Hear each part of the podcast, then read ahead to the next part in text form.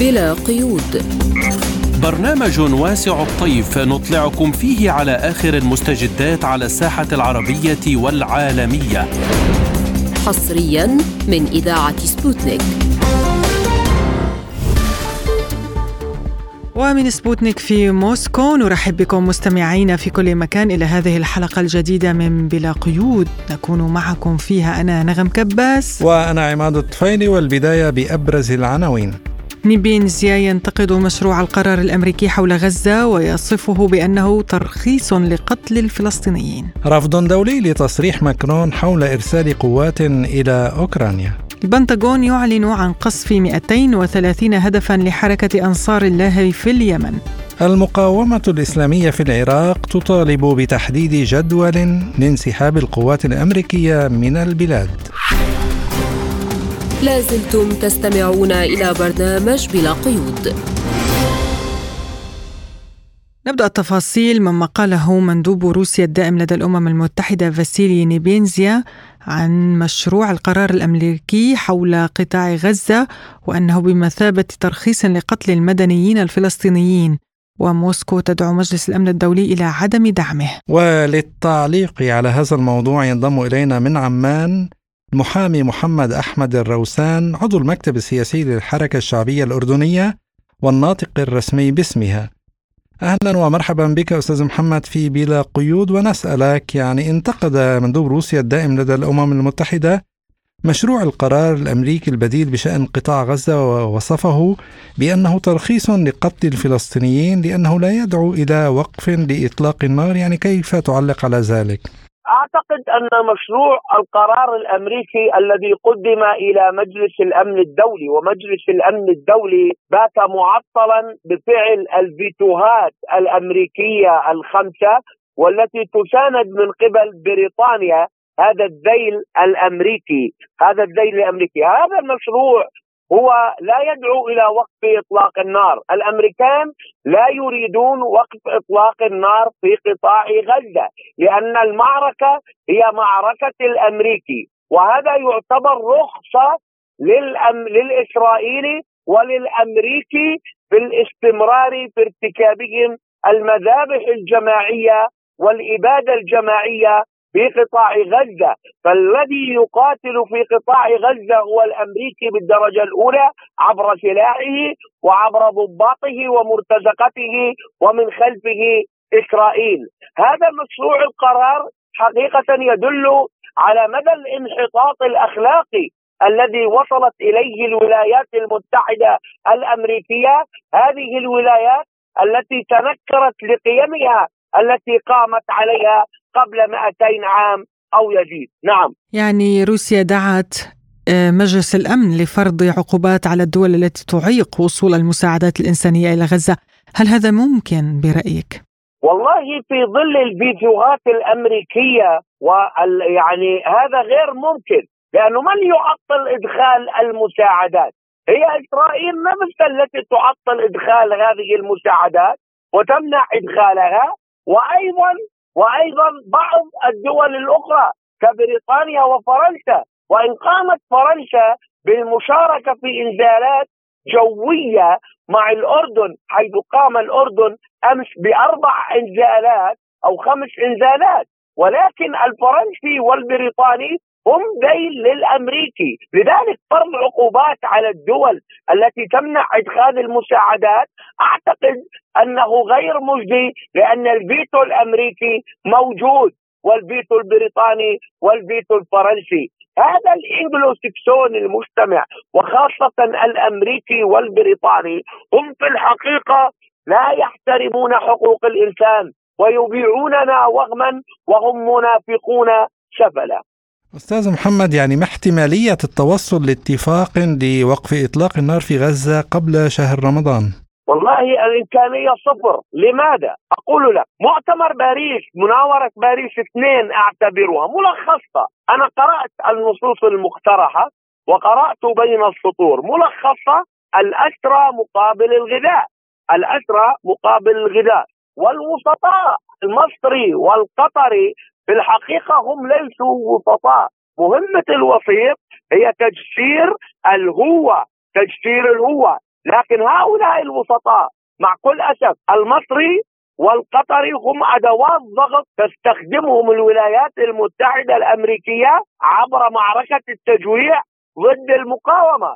وقال ويليام بيرنز رئيس الإستخبارات الأمريكية كما سرب في بعض المعلومات بعض المعلومات وهو كان سفيرا في الأردن هنا قال باختصار على غزة أن تقايض الغذاء بالأسرى وعلى وهناك تحريض أمريكي وعربي لسكان قطاع غزة بأن ينتفضوا في وجه المقاومة ووجه حماس لدفع حماس لتقديم مزيد من التنازلات. الإسرائيلي يضع شروط وكأنه انتصر في المعركة، المعركه لم تنتهي، لغة الميدان ما زالت طاغية والمقاومة صحيح أنها ضعفت ولكنها مستمرة وإرادتها كبيرة. الذي يرفض وقت إطلاق النار هو الأمريكي بكل صفاقة سياسية وبكل وقاحة. وإحنا لاحظنا أن المماطلة الإسرائيلية على مدار ثلاثة أو أربعة أسابيع تقريبا من مفاوضات وكواليس باريس اثنين كانت بغطاء أمريكي وتواطؤ مصري وعربي. وكما قلت لك أن بيرنز قال على سكان القطاع عليهم أن يضغطوا على قياداتهم لأجل السير باتفاق. وقال الأمريكي بشكل صريح وبدون مواربة على غزة مقايضة الأسرى بالغذاء. اذا ملخص ذلك هناك تحريض عربي لسكان القطاع في غزة للانتفاضه في وجه حماس والمقاومة والمصري والقطري لا يقومان بدور الوسيط الحقيقي الساعي إلى جسر الهوة بين متنازعين بل بما يرضي أمريكا وإسرائيل مجتمعتين. إلى أي مدى يمكن لحاضنة المقاومة أن تستمر في الصمود في ظل هذه الأوضاع المأساوية برأيك؟ والله الوضع مأساوي، يعني يعني مهما كان للمقاومة من حاضنة، أنا أقول لك صراحة يعني نحن نتابع. لنا أصدقاء في غزة يتواصلون نتواصل معهم بطريقة أو بأخرى. الكل الكل يعني وضع مأساوي. إلى متى؟ إلى متى ستبقى حاضنة المقاومة مستمرة. هنا السؤال. لذلك الكل يضغط على حماس الكل يضغط على المقاومة لكن بنيامين نتنياهو ماذا قال لوكالة ال CBS قبل يومين. قال وإن توصلنا إلى اتفاق قبل رمضان أن العملية في رفح لن تلغى وإنما ستؤجل. وأصلا الأمريكي هو لا يعارض عملية عسكرية بكل وقاحة. تشوف انتون بلينكن قال يعني يجب أن تكون الضحايا وأن تجنب قتل المدنيين. وكأن في رفح هناك مقاومة وهناك آه، عسكريون من المقاومة. كلهم مدنيون. الأمريكي أعطى الضوء الأخضر بارتكاب الإمادة الجماعية في رفح وهذا سيكون ضرره كبير. لكن التساؤل هنا ما هو الدور المصري؟ هذا النظام السياسي المصري الذي يغلي في صفوفه الثانية والثالثة وفي جهاز مخابراته. تراجع الدور المصري. هل أصبحت مصر وكيل بروكسي للأمريكي وللإسرائيلي في المنطقة؟ أنا أقول لك صراحة هناك الشاحنات تتكدس على معبر رفح. معبر رفح أرض مصرية. لماذا لا يقوم الجيش المصري بإدخال المساعدات؟ لماذا ينتظروا اذنا من إسرائيل واذنا من أمريكا؟ معبر فيلادلفيا أو محور صلاح الدين. هذه أرض مصرية أيضا لكن كلنا أمل في الجيش المصري. هذا الجيش العقائدي هذا الجيش الذي يضغط على رئيسه يضغط على جهاز مخابراته. أنا أستغرب هذا التراجع وهذا الدور ال proxy الذي تقوم به المخابرات المصرية لصالح أمريكا وإسرائيل. لذلك لذلك أنت تلاحظ تلاحظ الآن هناك ضغوط. الأردن العلاقات الأردنية المصرية من تحت الطاولة أقول لك باردة جدا وفي حالة صراع واستياء الأردن الأردن يقود إنزالات ماذا يستطيع أن يفعل؟ والأردن متخوف أن أن ما يجري في غزة قد يجري بالضفة الغربية، ما يهم الإسرائيلي صديقي ليس قطاع غزة المحتل كوش قطيف كما يسمونها. المهم عندهم يهوذا والسامره الضفة الغربية. أي الآن ال ال الأمور تتصاعد في الضفة الغربية. أي عمليات مشابهة لغزة سيتم دفع الكتلة السكانية نحو الضفة الشرقية إلى الأردن. وهذا النظام متخوف منه الدولة متخوفة منه الشعب متخوف ولذلك الأمور معقدة. أيضا في الشمال في جبهة الشمال هناك تصاعد هناك تصاعد من العمليات النوعية والعسكرية والكمية والكمية. أنا باعتقادي لن تنتهي الحرب. هذا تقدير شخصي. وكتبت أكثر من ذلك أن توسيع الحرب في المنطقة حاجة أمريكية اقتصادية بالدرجة الأولى لأن الاقتصاد الأمريكي اقتصاد قائم على الحروب. لن ينتهي العدوان على غزة إلا بحرب إقليمية متوسعة يخطر فيها الجميع. ثم الجميع يخطر بها الجميع ومن اشترك بها يجلس على الطاولة للمفاوضات ولرسم المنطقة من كشف السفير الفلسطيني لدى بريطانيا عن مساعدة قطر ومصر في تشكيل حكومة تكنوقراط فلسطينية جديدة وسط مشاورات بين جميع الفصائل الفلسطينية بما في ذلك حركة حماس يعني هل برأيك اقتربت التسوية لوقف إطلاق النار وباتت الأمور تتجه نحو المستقبل؟ حكومة التكنوقراط صديقي لا يدل على أي مؤشر لا يمكن اعتباره مؤشر على قرب وقت إطلاق النار. لأن المعركة في غزة يا أخي هي معركة الامريكا 7 أكتوبر 7 أكتوبر أن السبب الحقيقي وراء ما يجري من عدوان على غزة هو الاقتصاد السياسي. تعرف 7 أكتوبر شطب ممر بايدن البحري؟ الذي أعلنه بنيودلهي بقمة العشرين. هو يريد هندسة فوضى لشطب مبادرة الحزام والطريق ما يجري في غزة صراع الإيرادات الدولية بين روسيا والصين والقوى الحية والقوة الإقليمية وبين أمريكا وربيبتها إسرائيل. إسرائيل ثقانها من قش إسرائيل ضعفت. حكومة التكنوقراط مطلب أمريكي وليس مطلب فلسطيني داخلي. أنت تخيل الحوارات في موسكو اليوم أو غدا تجري بين الفصائل الفلسطينية.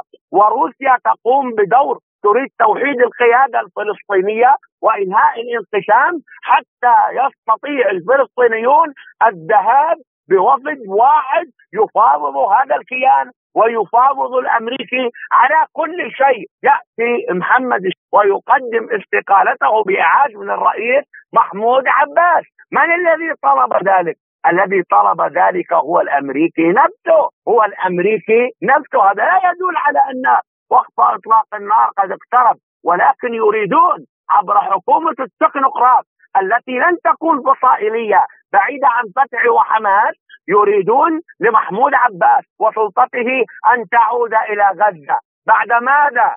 بعد ماذا؟ من يقرر شكل النظام السياسي الفلسطيني هم الفلسطينيون وليست سلطه التنسيق الأمني التي انتهت تحت بند تنشيط السلطة تحت بند دعم السلطة. كل هذا وهم كل هذا وهم حتى أن الإسرائيلي والأمريكي اقترح فكرة اداره غزة عبر ما يسمى بروابط القرى التي تم تطبيقها في الستينات من القرن الماضي القرن الماضي. إنهم يعملون على عولمة العماله العمالة عبر روابط جديدة لإدارة قطاع غزة، من سيدير قطاع غزة من العشائر الفلسطينية؟ هل يستطيعون أن يتجاوزوا المقاومة؟ هل ينتون دماء شعبهم 30 ألف شهيد؟ هذا لا يمكن لذلك حكومة التكنوقراط مطلب أمريكي لغايات سيطرة سلطة التنسيق الأمني سلطة أوسلو على قطاع غزة والضفة الغربية وشعبنا الفلسطيني شعب حر وحقيقي. ورهاننا على التيار العروبي والقومي في حركة فتح وليس على التيار المتأثر الذي يمثله حسين الشيخ وماجد فرج. المحامي محمد أحمد الروسان عضو المكتب السياسي للحركة الشعبية الأردنية والناطق باسمها شكرا لك على هذه المداخلة. لازلتم تستمعون إلى برنامج بلا قيود. ومن فلسطين إلى أوكرانيا حيث كشف وزير الدفاع الروسي سيرجي شايغو أن خسائر القوات المسلحة الأوكرانية منذ بدء العملية العسكرية الخاصة الروسية تجاوزت 444 ألف جندي. بعد السيطرة جيشنا على دفاعات قوات كييف في أفدييفكا تواصل وحداتنا تحسين مواقعها في محوري دانيتسك وكوبيانسك. منذ بداية العام تم تحرير حوالي 327 كيلومترا مربعا من أراضي مناطق روسيا الجديدة من قبضة النازيين في جميع الاتجاهات. وخلال الأسبوع الماضي تم طرد القوات الأوكرانية من ثلاث بلدات بجمهورية دانيتسك هي بابيدا لاستيشكينا وسيفرنايا. كما تتكبد قوات كييف أكثر من 800 عسكري و120 وحدة من الأسلحة المختلفة بما في ذلك الأجنبية. كل يوم وبلغت خسائر القوات كييف منذ بدء العملية العسكرية الخاصة أكثر من 444 ألف وإلى ردود الفعل على تصريح الرئيس الفرنسي إيمانويل ماكرون بأن القادة الأوروبيين ناقشوا إمكانية إرسال قوات عسكرية إلى أوكرانيا وهو ما قال عنه المتحدث باسم الرئاسة الروسية دمتري بيسكوف إن إرسال قوات غربية إلى أوكرانيا سيؤدي إلى مواجهة عسكرية مباشرة بين روسيا وحلف شمال الأطلسي. بدورها قالت المتحدثة باسم وزارة الخارجية الروسية ماريا زخاريفا في تصريح لسبوتنيك إن حلفاء فرنسا لم يدعموا تصريحات ماكرون بشأن احتمال إرسال قوات غربية إلى أوكرانيا. это самое заявление вызвало шок, мне кажется... يبدو لي أن هذا التصريح قد أحدث صدمة وسط رفاقه وشركائه في حلف شمال الأطلسي وعلى الفور وفي غضون ساعتين صدرت سلسلة من التصريحات من قبل القيادات في دول الناتو والمسؤولين ووزراء الخارجية ووزراء الدفاع. إنهم ينأون بأنفسهم عن بيان ماكرون هذا فهم أنفسهم لا يخططون لشيء من هذا القبيل ولن يوجهوا أي شخص لمعرفتهم أن هذه ستكون قصة مختلفة تماما. السؤال الذي يجب أن يطرح هو لماذا أدلى ماكرون بمثل هذا التصريح؟ مع العلم ألا أحد قد فهم ذلك. أنا الآن أتحدث عن شركائه وأصدقائه وحلفائه. إحدى التحليلات التي تم تداولها في وسائل الإعلام الغربية هي أن تصريحات ماكرون هذه لا تتجاوز الاستهلاك الإعلامي وبهذه الطريقة وفي ظروف التوقف المالي لواشنطن قدم نوعا من المساعدة الإعلامية والسياسية للبيت الأبيض من أجل استثمار شيء ما على الأقل في دعم نظام كييف. في واقع الأمر كان من المفترض أن يكون هذا البيان بمثابة رسالة تشجيعية للقوات المسلحة الأوكرانية التي تعيش ظروفا صعبة جدا ولكل من جنده نظام كييف من الناتو للقتال ضد روسيا. ومع ذلك أصبحت التصريحات اللاحقة لممثلي دول الناتو بأنهم لا يفكرون في إرسال قوات إلى أوكرانيا بمثابة إشارة عكسية لكييف لقد استخدموا أوكرانيا في البداية ثم خانوها وسيستمرون في استخدامها وفي خيانتها. من جانبها قالت المتحدثة باسم وزارة الخارجية الصينية ماو نينغ إنه يتعين على جميع الأطراف المعنية المساعدة في حل الصراع في أوكرانيا كما ندعو جميع الأطراف إلى التوصل إلى توافق وتهيئة الظروف وتسهيل وقف إطلاق النار. الصين ستواصل القيام بدور بناء في التسوية السياسية للأزمة الأوكرانية. وقال المتحدث باسم الأمين العام للأمم المتحدة أن الأمم المتحدة تحث على تجنب الخطاب التحريضي حول الصراع في أوكرانيا. كما أعلنت وزارة الدفاع الأمريكية البنتاغون أن الولايات المتحدة لا تخطط لإرسال قوات للقتال ضد روسيا في أوكرانيا. وصرح السفير الروسي لدى واشنطن أناتولي أنتونوف بأنه لا يمكن للولايات المتحدة أن تعجز عن فهم عواقب وتداعيات إرسال حلفائها قوات عسكرية إلى أوكرانيا. لمناقشة هذا الموضوع ينضم إلينا عبر الهاتف من موسكو مدير مركز GSM للدراسات الدكتور آصف ملحم. أهلا بك دكتور في برنامج بلا قيود. أهلا وسهلا فيكم. تحياتي لكم وللسادة المستمعين. أهلا بك. يعني شيغو وزير الدفاع الروسي تحدث عن خسائر فادحة للقوات الأوكرانية. هل تتوقع صمود هذه القوات بعد كل هذه الخسائر إن لم تصل المساعدات الغربية؟ أستاذ نغم يعني خسارة القوات الأوكرانية وانهيارها في النهاية هو تحصيل حاصل. يعني آه، نعلم جميعا أن روسيا تضغط وتضغط وبالنهاية ستأتي تلك اللحظة التي ينهار فيها الجيش الأوكراني. السؤال الكبير والذي لا يجد أح... لا يجد أحد له جواب على الإطلاق سواء في أوروبا لذلك نلاحظ هذا الزخم الإعلامي والزخم السياسي في أوروبا كله ماذا بعد؟ إلى أين ستذهب روسيا بعد انهيار الجيش الأوكراني؟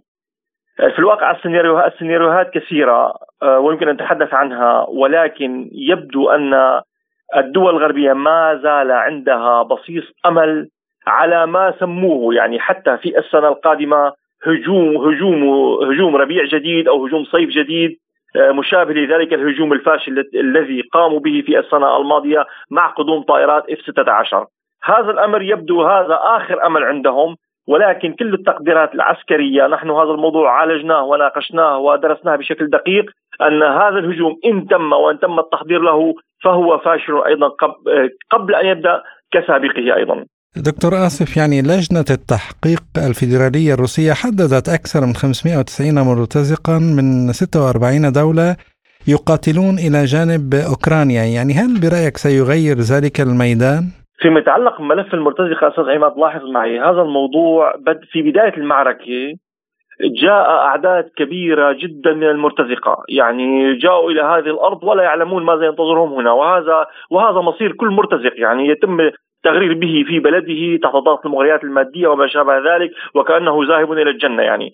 وبدا بدأ يتناقص. أعداد المرتزقة وتحديدا من أوروبا بدأ يتناقص بشكل كبير. وفي السنة الماضية تحديدا بدأت يعني بعض أوكرانيا نفسها بدأت تبحث عن المرتزقة في بعض المناطق في آسيا.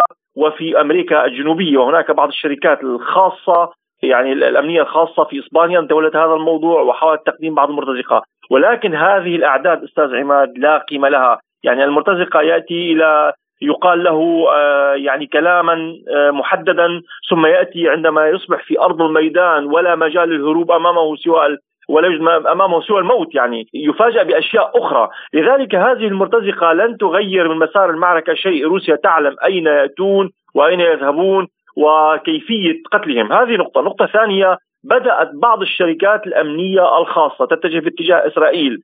يعني هذا الأمر آه، لأن الظروف ظروف القتال في إسرائيل على يبدو أنها أفضل من أوكرانيا من الناحية المادية ومن ناحية الأمن يعني. وبالتالي هذه المرتزقة لا أعتقد أنها ستترك أي أثر على المعركة على الإطلاق.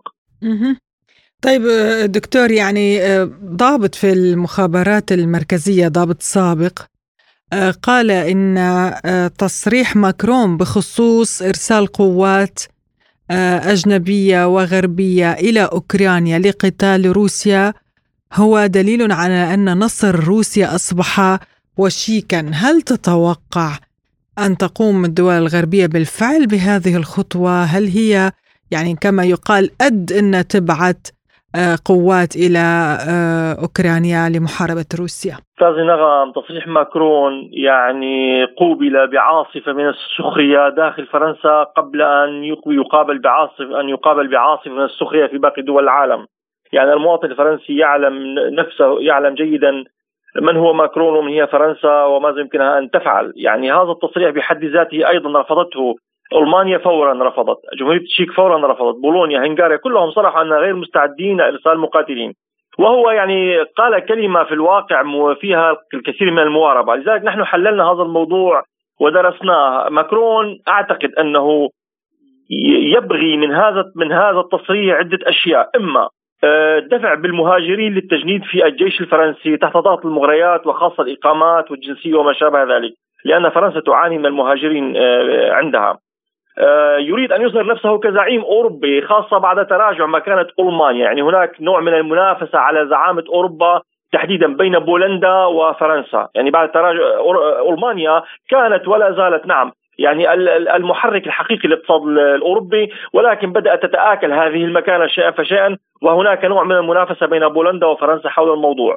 الشيء الآخر هناك ضغط حقيقي أمريكي على على فرنسا وعلى ألمانيا لزيادة المساعدات العسكرية إلى أوكرانيا لأن نسبة هذه المساعدات ليست كبيرة مقارنة مع الناتج المحلي الألماني والفرنسي لذلك ماكرون وكأنه يريد تحضير الرأي العام الفرنسي ويضعهم أمام خيارين إما الانخراط المباشره في الحرب وهذا سيرفضه بالتأكيد الشارع الفرنسي أو زيادة المساعدات النقطة الرابعة التي توقفنا عندها هو محاولة جس ضبط روسيا والدول الغربية لأن الدول الغربية نفسها أستاذ نغم لا يوجد ثقة بينها. صحيح أنهم يجتمعون و ويصورون أنفسهم بأنهم عندهم وحدة أوروبية ولكن الخلافات بينهم أعمق مما نتصور نحن، لذلك هناك جس نبض لروسيا إلى أين ستذهب لاحقا وإلى أوروبا ما هو المزاج الأوروبي العام لأنه لا يستطيع فرنسا لوحدها لا تستطيع أن تفعل شيء.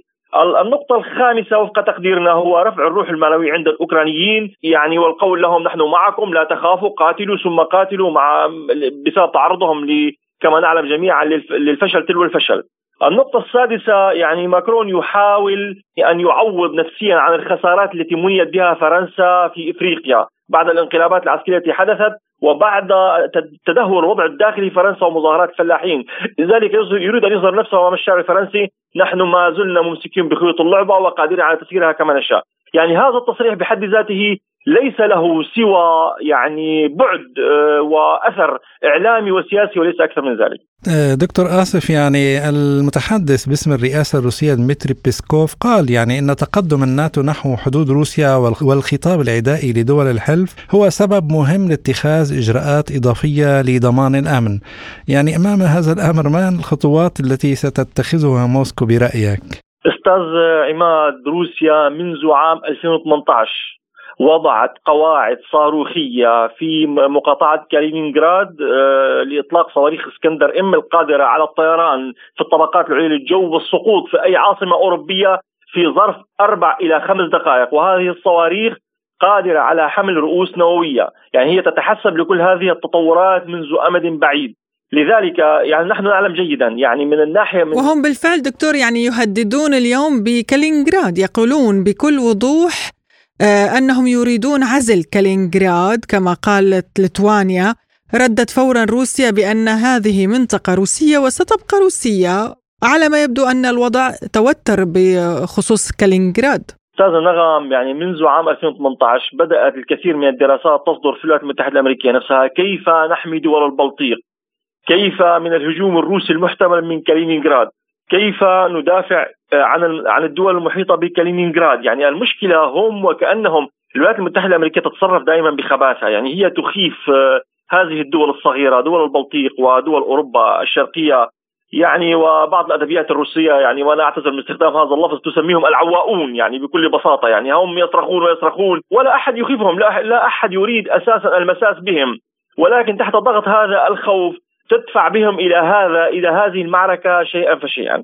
يعني نحن نعلم جيدا الموارد البشرية عند روسيا عدد سكان روسيا 150 مليون. أما الدول الناتوية عددها حوالي مليار. يعني من ناحيه من ناحية الأسلحة التقليدية روسيا ليست متفوقة في جميع هذه الأسلحة. لذلك روسيا أنا أتوقع إذا دفع الناتو هذه الاندفاع الغبية للدخول في الحرب مباشرة فإن روسيا لن تتردد لحظة واحدة استخدام السلاح النووي لأنه لا يوجد خيارات أخرى. يعني لا يمكن أن تفرط بسكانها روسيا. كما قلت لأن عدد سكانها قليل. هنا تكمن المشكلة. حرب تقليدية مع روسيا بين روسيا والناتو لن تحدث ستكون حرب نووية مباشرة. وهذا منصوص عليه في العقيدة العسكرية الروسية أنه في حال أي خطر آه، استخدام الأسلحة غير التقليدية. رئيس مركز GSM للدراسات الدكتور آصف ملحم شكرا لك على هذه المداخلة. ولكم الشكر والتحية. لازلتم تستمعون إلى برنامج بلا قيود. إلى ذلك أكد ولي العهد السعودي ورئيس مجلس الوزراء الأمير محمد بن سلمان لدى استقباله الرئيس الأوكراني فلاديمير زيلينسكي في الرياض حرص المملكة ودعمها لحل الأزمة الأوكرانية. للمزيد حول هذا اللقاء ينضم إلينا عبر الهاتف من الرياض الخبير العسكري اللواء عبد الله بن غانم القحطاني. أهلا بك سيادة اللواء عبر سبوتنيك ونبدأ من هذه الزيارة. هل يمكن أن تكون السعودية وسيطا للخروج من الأزمة الأوكرانية برأيك؟ زيارة الرئيس الأوكراني للرياض والمملكة العربية السعودية لا شك أن أهم موضوع سيتم نقاشه هو موضوع الأزمة الأوكرانية والعمليات العسكرية والحرب بشكل عام وسبل المخرج منها أو ما هو الحل أو ماذا يمكن أن تقدم الدول الصديقة للأطراف كافة من حلول ومن وساطات لكي يتم التغلب على هذا الجانب. وبالتالي هذه الزيارة لابد أنها آه، يعني سيطرح فيها دور المملكة العربية السعودية الممكن في هذا الجانب، الوساطة أعتقد أنها قائمة مسبقا وأثمرت عن إطلاق آه، أسرى من الجانبين تقريبا، ولكن هذا ليس هو المحور، المحور هو إنهاء النزاع وهو العودة إلى العلاقات الطبيعية بين موسكو وكييف، هل السعودية لها دور في هذا الجانب؟ أعتقد هذا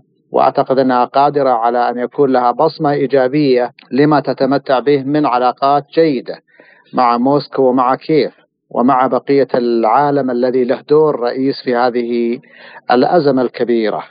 ما تفسير زيارة زيلينسكي مباشرة يعني بعد زيارة رئيس مجلس الدوما الروسي يعني هل يمكن أن يكون الجانب الروسي ترك رؤية الحل في يد رياض لتطلع عليها زيلينسكي؟ جودة العلاقات الروسية السعودية آه، أعطت مجالا وهامشا قويا آه، إيجابيا لأن تقوم الرياض بلعب دور إيجابي في حل الأزمة مع أوكرانيا، وأيضا العلاقات السعودية الأوكرانية هي إيجابية وجيدة، والدليل هو ما أشار إليه جنابك هو أن الرئيس الأوكراني جاء إلى المملكة العربية السعودية مباشرة بعد أن كان رئيس مجلس الدوما الروسي في الرياض، وهذا يدل على أن هناك آه، مشتركات وأن هناك أشياء تجري في السر بين العواصم الثلاث بين الرياض وكيف وموسكو. وأن هناك املا بأن الحل السلمي والتفاهمات الدولية من خلال وسطاء موثوقين. كالمملكة العربية السعودية هو أيضا مبشر وهو أيضا يعطي فرصة للحل السلمي الذي هو الحل النهائي وليس غيره.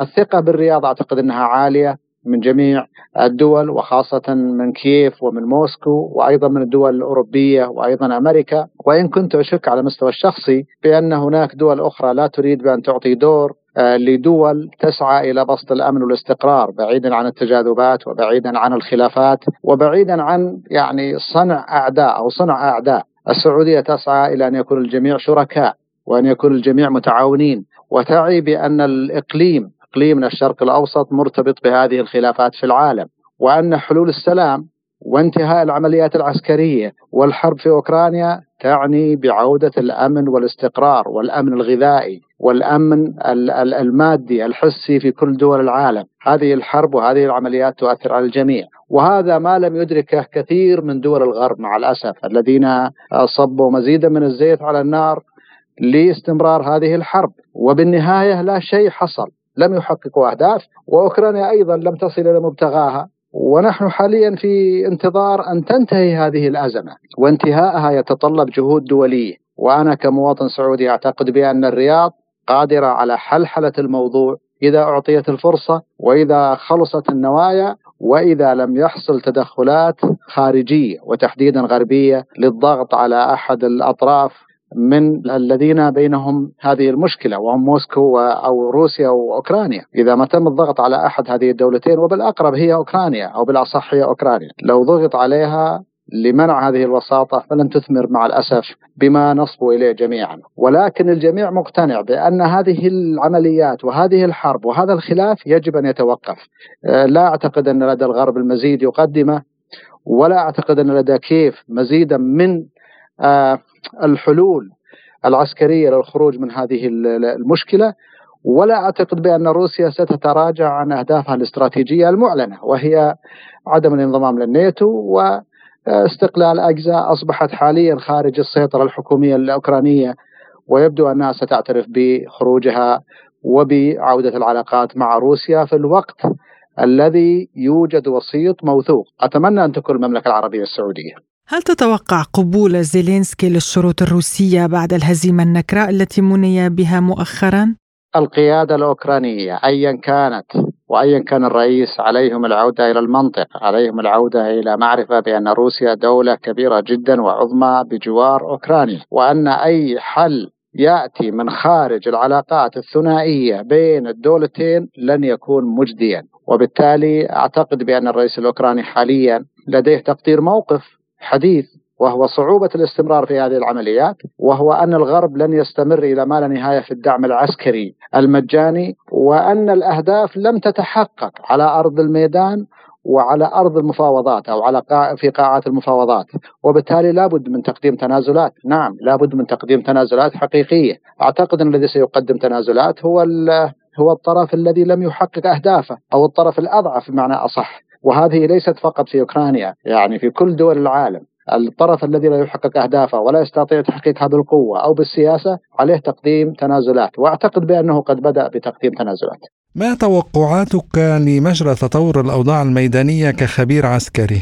الجانب الميداني العسكري يميل لمصلحة آه، روسيا منذ البداية لا يمكن مقارنة ما تمتلكه أوكرانيا من قوات ومن دعم لوجستي بما لدى روسيا الميدان هو في صالح روسيا منذ البداية مع أن هناك تحولات وتغيرات حدثت في أرض الميدان.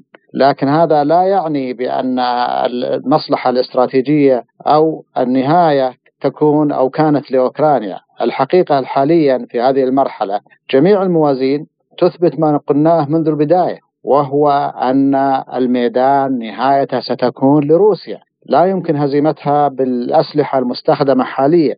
ولا يمكن للغرب أن يقف بقواته ويواجه روسيا مباشرة. وبالتالي المخرج الوحيد هو دعم أوكرانيا. طيب دعموها بكل ما يستطيعون. ومع هذا لم يتغير شيء على الميدان لمصلحة أوكرانيا والغرب. بل العكس صحيح. الاقتصاد الأوكراني منهار. القوات العسكرية في تراجع. نزلت أو قل عددها وعديدها. أصيبت في مقتل بعدد القتلى والأسرى. وتدمير المعدات والأسلحة المختلفة وأيضا لا يوجد دعم يوازي حجم الخسائر وبالتالي المصلحة أو الميدان يميل كليا لمصلحة روسيا. ولو دخلت أو أدخلت روسيا أسلحة أخرى يعني شديدة أو قوية أو متقدمة آه، لأصبح الوضع مختلف أيضا. ولا كان هناك أثر واضح. هذا ما لا نرجوه ما لا نرجوه جميعا. ولكن نرجو أن آه، ونأمل أيضا أن تعود الحكمة لهذه الدولة وللحلفاء في الغرب وأيضا لروسيا لمعرفة بأن النهاية لابد أن تكون بالسلام وبالمفاوضات. أما الميدان فهو مختلف ومنتهي هو لصالح روسيا ولن يكون غدا لصالح أوكرانيا وهذه نقطة مهمة واستراتيجية. المستقبل مهما حصلت عليه أوكرانيا من أي دعم خارجي لن يكون في مصلحتها لأنك أمام دولة تحسن اقتصادها أعني روسيا. روسيا اليوم ليست هي روسيا قبل بداية الحرب والعمليات. اقتصادها متقدم حاليا اعتمادها أصبح على حلفاء استراتيجيين آخرين آه، أصبحت قواتها ومصانعها العسكرية والحربية تنتج بأكثر مما كانت تدريبها تقدم استولت على مزيد من آه، الأراضي وعلى مزيد من أرض الميدان في أوكرانيا. خسرت أوكرانيا الكثير مقابل خسارة محدودة في روسيا. والحرب لها خسائر ولها ضحايا ولكن نتحدث عن الميزان. الميزان كليا يميل لصالح روسيا. الخبير العسكري اللواء عبد الله بن غانم القحطاني كنت معنا عبر الهاتف من الرياض. شكرا لك على هذه المداخلة. لازلتم تستمعون إلى برنامج بلا قيود. وفي اليمن قال نائب مساعد وزير الدفاع الأمريكي لشؤون الشرق الأدنى دانييل شابيرو إن الولايات المتحدة قصفت 230 هدفا تابعا لحركة أنصار الله الحوثية في اليمن. وأشار إلى أن القوات الأمريكية دمرت على الأرجح مئات القطع من أسلحة الحوثيين لكن وفقا له يبدو أن الحركة مصممة على الصمود في المواجهة باستخدام ترسانتها المتبقية. وللتعليق على هذا الموضوع إليكم ما يقوله لبرنامجنا الخبير في الشأن اليمني أحمد البحري. بسم الله الرحمن الرحيم. بسم الله بالنسبة لما صرح به البنتاغون آه، من تدمير ما كل ما يملكه أنصار الله من آه، من من صواريخ فمن المعلوم أنه آه، إلى حتى يوم أمس لا زالت أنصار الله والجيش اليمني يقوم باتجاه السفن سواء الاسرائيليه أو المتجهه إلى إسرائيل وكذلك السفن الأمريكية والبريطانية.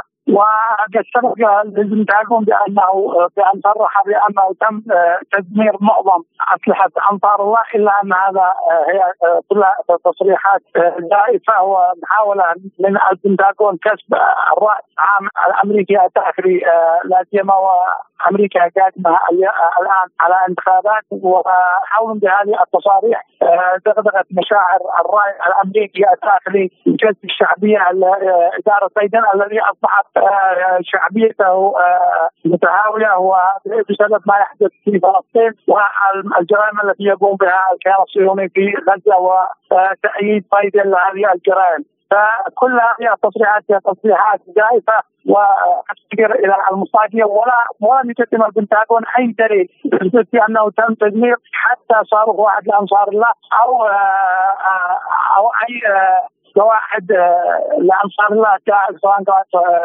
صاروخية أو قوات بحريه. وفيما يخص تصريحات رئيس الوزراء اليمني ووزير الخارجية أحمد عوض بن مبارك وتحميله حركة أنصار الله توتير الأجواء في البحر الأحمر يقول البحري بالنسبة لما تبع به أحمد عوض مبارك فقد تم الرد عليه من قبل وزير الخارجية الروسي حيث افاد بأن أي عدوان على اليمن هو عدوان مرفوض وإنما يحدث في البحر الأحمر هو نتيجة لما يحدث في غزة ولا يتم حل هذا الموضوع بالطرق العسكرية وإنما بالطرق السلمية وأن إيقاف العدوان على غزة هو الحل الوحيد لإيقاف ما يتم في في البحر الأحمر. ومن المعلوم بأن أحمد عوض مبارك وهو من أدوات من الادوات الأمريكية التي تعمل لصالح لصالح أمريكا وكذلك للسعوديه والإمارات. ومعلوم بأن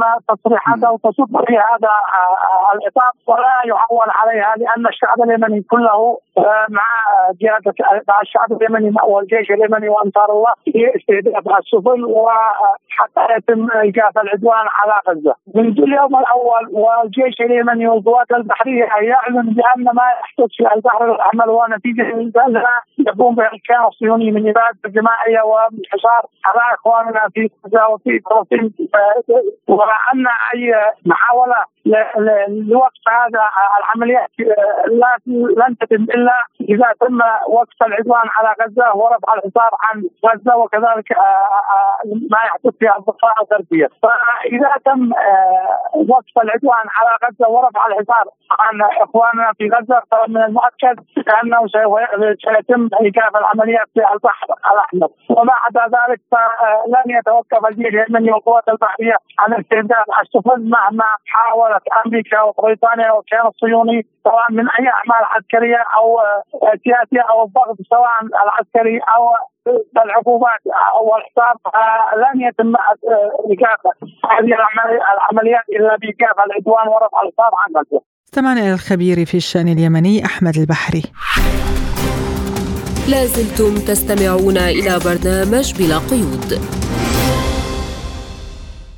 وفي العراق أكد الشيخ محمد التميمي الأمين العام لفيلق الوعد الصادق أن طلب المقاومة الإسلامية من حكومة السودان تحديد جدول لانسحاب القوات الأمريكية رفع عنها الحرج وألقى الحجة على الحكومة بشأن عودة استهداف القوات الأجنبية من جديد. وللتعليق على هذا الموضوع إليكم ما يقوله لبرنامجنا الخبير الأمني والإستراتيجي كامل الكناني. بالحقيقة موضوع المفاوضات مع القوات الأمريكية أو قوات التحالف الدولي الموجودة في العراق وسقف التفاهم معها على إخراج القوات هو ليس فقط إرادة حكومية وإنما إرادة شعبية وإرادة الفصائل والقوى المقاومة.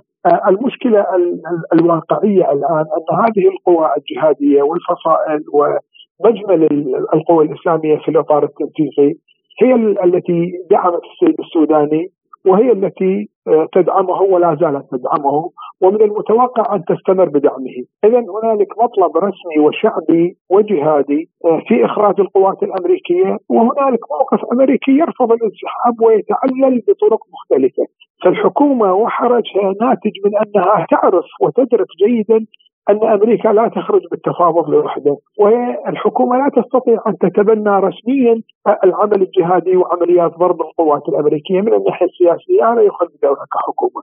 اذا هنالك مشكلة حقيقية، أنا أعتقد أن ما يجري حاليا وهو التفاوض على إخراج القوات الأمريكية أو قوات التحالف الدولي بسقف زمني مجدول ووجود صواريخ المقاومة بأيدي المقاومين وتهديدهم باستعمالها يعطي للمفاوض قوة قادرة على أن ترغم الأمريكان على الانسحاب، الأمريكيون لا ينسحبون بمجرد التفاوض، ولكن حينما تستمر العمليات عمليات المقاومة وتضرب أهدافها ويعني باعتراف الكونغرس أكثر من 160 عملية باعتراف وزارة الدفاع الأمريكية البنتاغون أن هنالك عشرات الجنود أصيبوا بارتجاجات دماغية. غير حوادث القتل فضلا عن ما يقال أن هنالك ضحايا أكثر من العدد الذي تعترف به.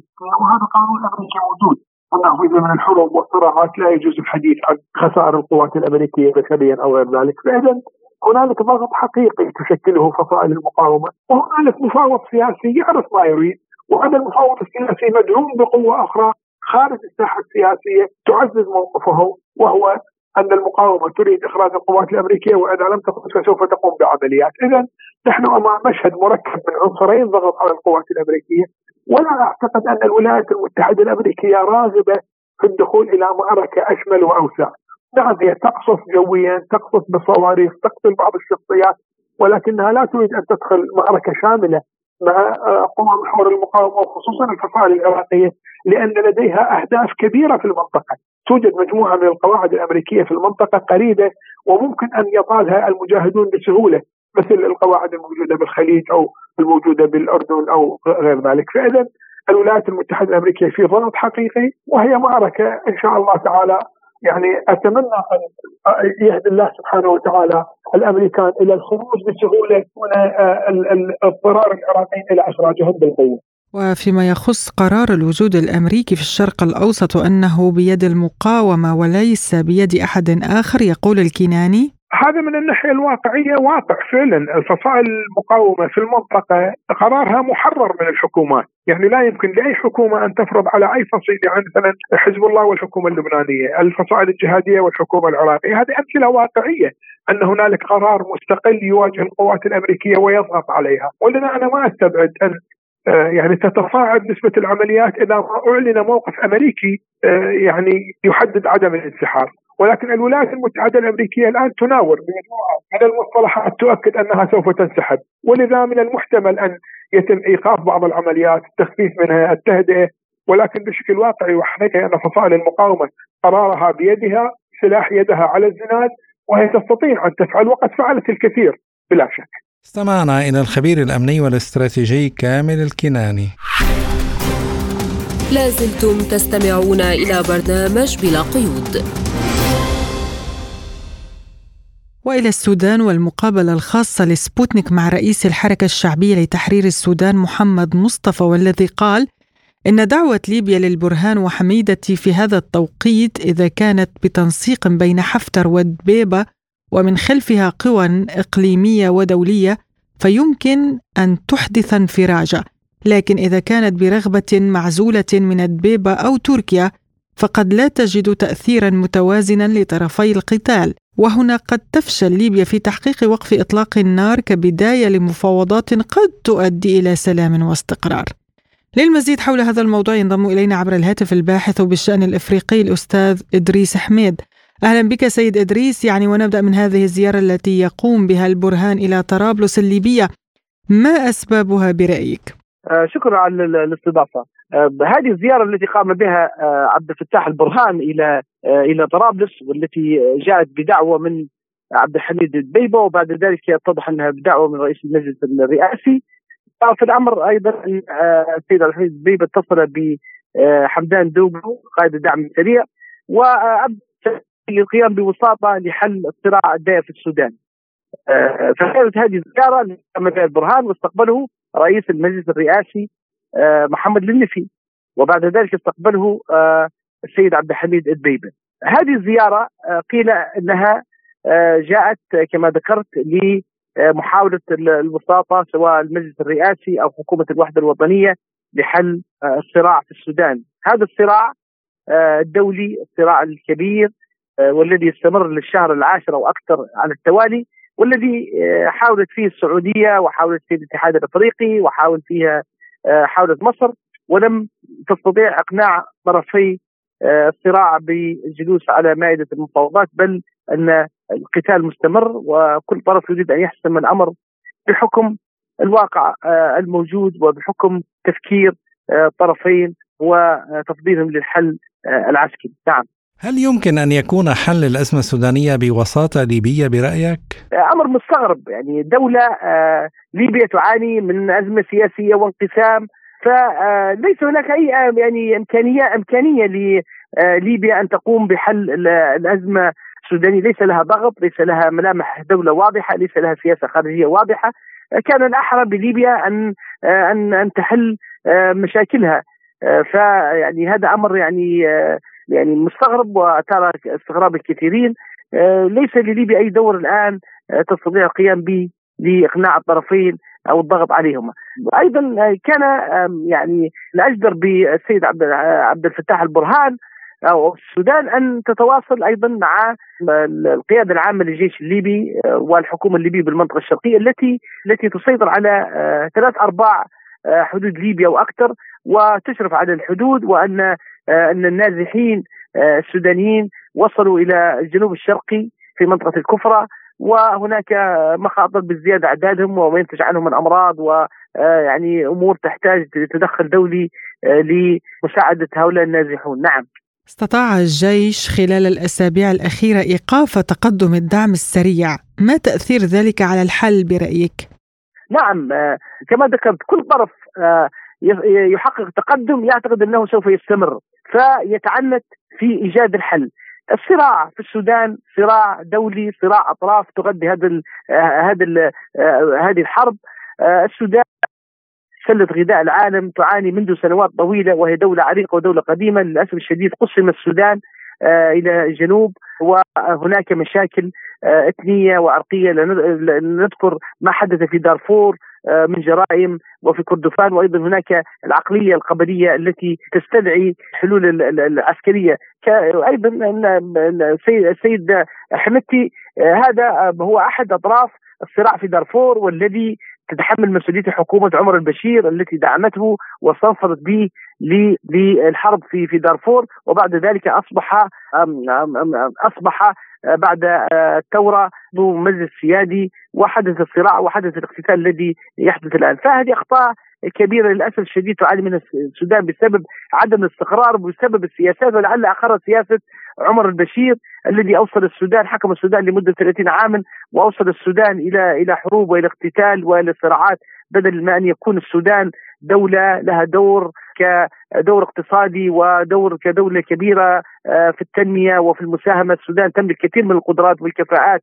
جامعة الخرطوم جامعة عريقة وهي فرع من جامعة لندن للأسف الشديد هؤلاء العلماء السواديين وهذه الإمكانيات كلها للأسف لم يتم توظيفها ونجد أطراف دخلت على السياسة وساهمت في فيما يحدث في السودان من اقتتال ومن ومن انقسام، نعم. الباحث بالشأن الأفريقي الأستاذ إدريس حميد شكرا لك على هذه المداخلة.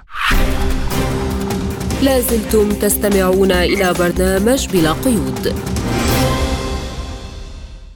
وفي ملفنا الأخير أعلن حاكم ولاية تكساس حالة الطوارئ في ستين مقاطعة بالولاية وسط حرائق ضخمة ويجري إخلاء بعض المناطق لأنه يوجد فيها منشأة لتجميع وتفكيك القنابل الذرية الأمريكية. ويرى مراقبون أن ذلك سيؤثر بشكل كبير على حظوظ بايدن في السباق الرئاسي خلال الانتخابات. وقال الصحفي الأمريكي تاكر كارلسون إنه مقتنع بأن فوز بايدن المتهالك الذي لا يستطيع الكلام أو المشي في الانتخابات الأمريكية المقبلة لن يكون ممكنا إلا عن طريق التزوير والغش. لمناقشة هذا الموضوع ينضم إلينا عبر الهاتف الباحث بالشأن الأمريكي الدكتور محمد السيد أحمد أهلا بك دكتور في برنامج بلا قيود.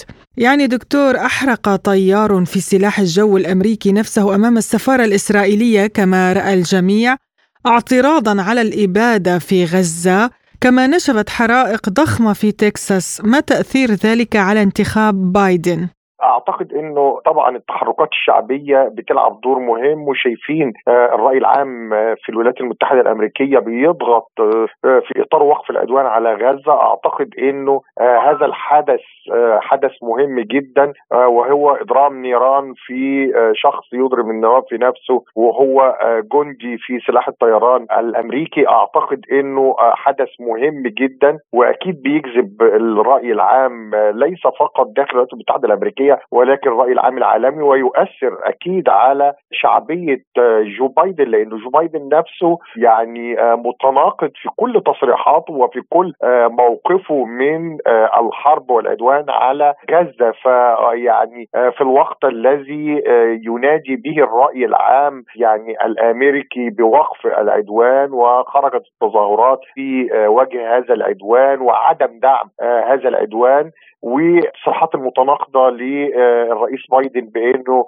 يتحدث في بعض الأحيان عن أن نتنياهو والحكومة هي التي تصر على الاستمرار في العدوان وعلى الرغم من ذلك يدعم هذه الحكومة ويدعم نتنياهو. أعتقد إنه آه، هذا الموقف آه، سيضعف كثيرا من فرص وشعبية آه، جو بايدن خاصة إنه يعني الولايات المتحدة الأمريكية بتمر بأزمة كبرى على المستوى الدولي خلال يعني الأربع سنوات الماضية اللي هي فترة حكم بايدن لإنه الرجل جاء في مرحلة مفصلية العالم يتغير. هناك قوى دولية يعني بتسطع من جديد شفنا يعني ظهور روسيا كقطب جديد في العالم ثم أيضا ظهور الصين ده يعني يعني بيلقي بظلاله على دور الولايات المتحدة الأمريكية وبالتالي آه على شخص آه الرئيس الجالس في آه البيت الأبيض الآن وكثير من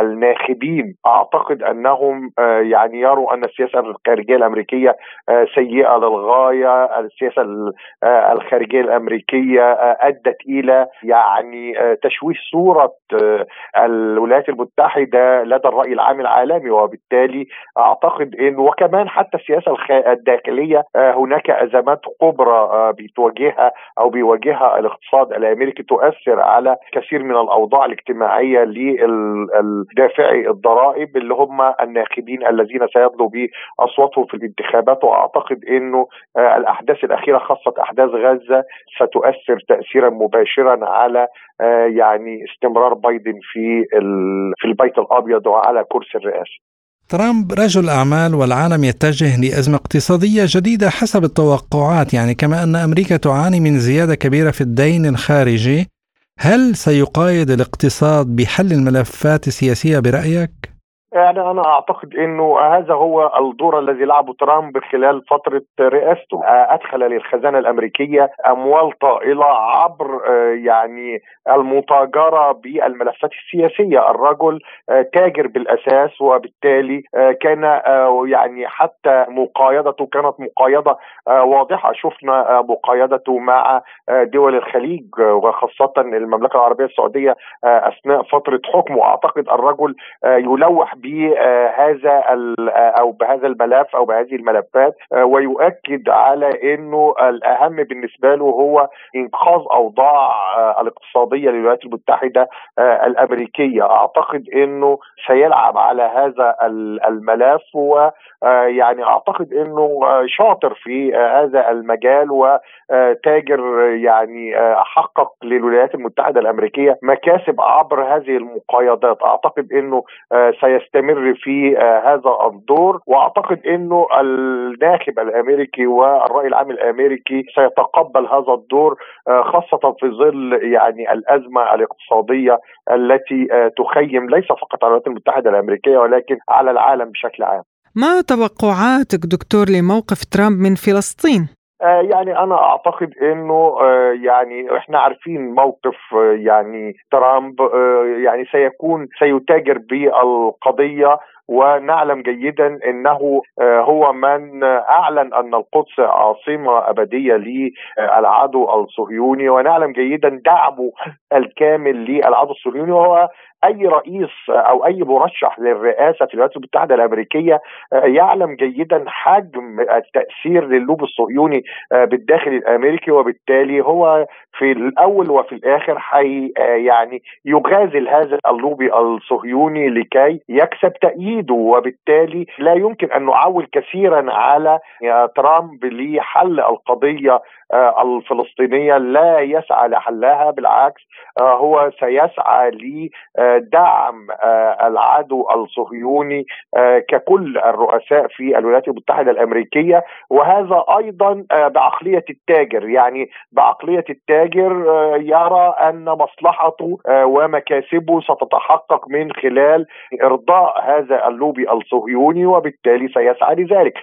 بعيدا عن فكرة أن الإدارة الأمريكية نفسها يعني تعمل ألف حساب للوبي الصهيوني وبالتالي هم أو الرؤساء أو المرشحين دائما للرئاسة يسعون دائما لإرضاء هذا اللوبي ويعلمون أن الإدارة آه، الأمريكية آه، تتأثر كثيرا بهؤلاء آه، الذين يملكون المصانع والشركات الكبرى ويسيطرون على جزء كبير من الاقتصاد في الولايات المتحدة الأمريكية. الباحث بالشأن الأمريكي الدكتور محمد السيد أحمد شكرا لك على هذه المداخلة. إلى هنا تنتهي حلقة اليوم من برنامج بلا قيود. شكرا لإصغائكم وإلى اللقاء. بأمان الله.